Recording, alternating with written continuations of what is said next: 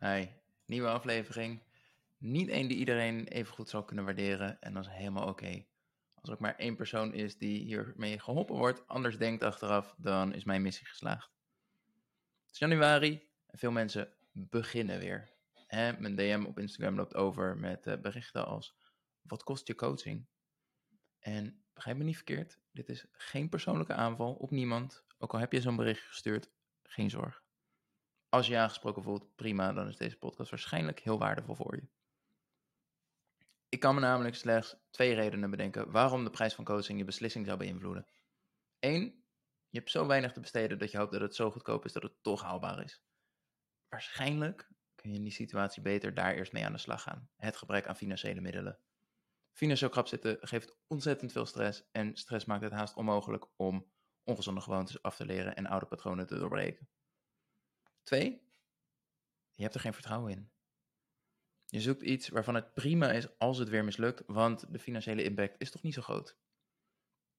Weer een of ander suf boek voor 20 euro halen en er niets mee doen, lekker belangrijk. 20 euro verspeelt iedereen wel eens aan nou ja, nuttelozere dingen dan een doel wat je belangrijk vindt. Maar 3000 euro, dat wil je niet zomaar weggooien. Daar kun je heel veel leuke dingen van doen. Dus als je zo'n bedrag uitgeeft, dan wil je wel zeker weten dat het werkt, dat het het geld waard is.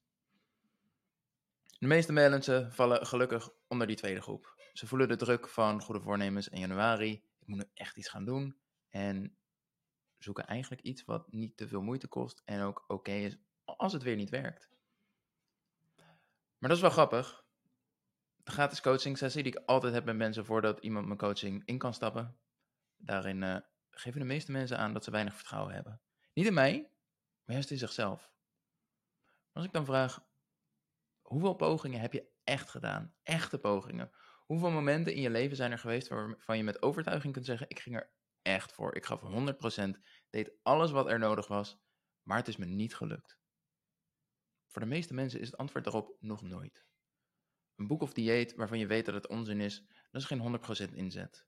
Dus jezelf bezighouden en naar de buitenwereld communiceren. Kijk, ik ben ermee bezig, ik doe iets.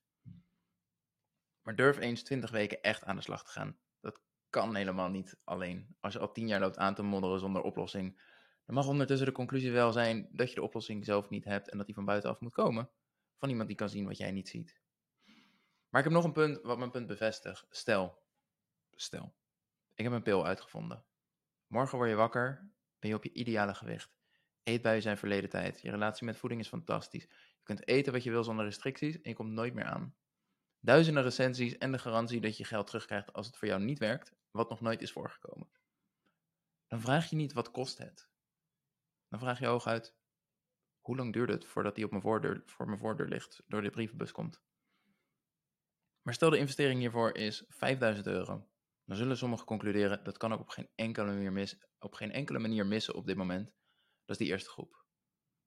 Dan is er een deel die denkt, dat heb ik er niet voor over. De mensen die zich beseffen, ik vind mijn gewicht en het afvallen wel vervelend, maar ook weer niet zo belangrijk. Hè? Ik vind het oké om er 10, 20 jaar over te doen en het zelf uit te proberen en uit te zoeken. Liever dat dan dat ik 5000 euro uitgeef. Prima. Maar er is ook een derde groep. En die vraagt, waar kan ik het bedrag overmaken? En als ze geen 5000 euro klaar hebben staan, wat niet heel gek is, vragen ze of het ook in termijnen kan. Of dat ze eerst zes maanden kunnen sparen met de zekerheid dat er dan nog wel ook wat voor hun is over zes maanden. Het zal je hopelijk niet verbazen, die derde groep zijn de enige mensen die ik coach. Dat soort daadkracht en flexibiliteit is in mijn ogen een vereiste om te slagen. Als je niet over die eigenschappen beschikt, geloof ik er niet in dat je er klaar voor bent om je oude overtuigingen los te laten, patronen te doorbreken en ongezonde gewoontes af te leren. En dat is nodig. Nou kost mijn coaching helemaal geen 5000 euro, niet eens de helft ervan. Maar is het ook geen magische pil die al het werk voor je gaat doen? Maar ik geef wel vergelijkbare garanties. Kom jij je afspraken na? Ben je betrouwbaar? Ik garandeer dat het werkt. Zo niet blijf ik je gratis coachen na die 20 weken tot het wel gelukt is. Tot zover is dat nog nooit nodig geweest, nog nooit nodig geweest, maar de garantie is er en dat geeft rust. Dus voordat je de volgende bent die me op Instagram een bericht stuurt met wat kost je coaching? Vraag jezelf eerst eens af waarom dat ertoe doet. Wat je volgens mij wil weten is namelijk, kun jij me helpen met dit probleem?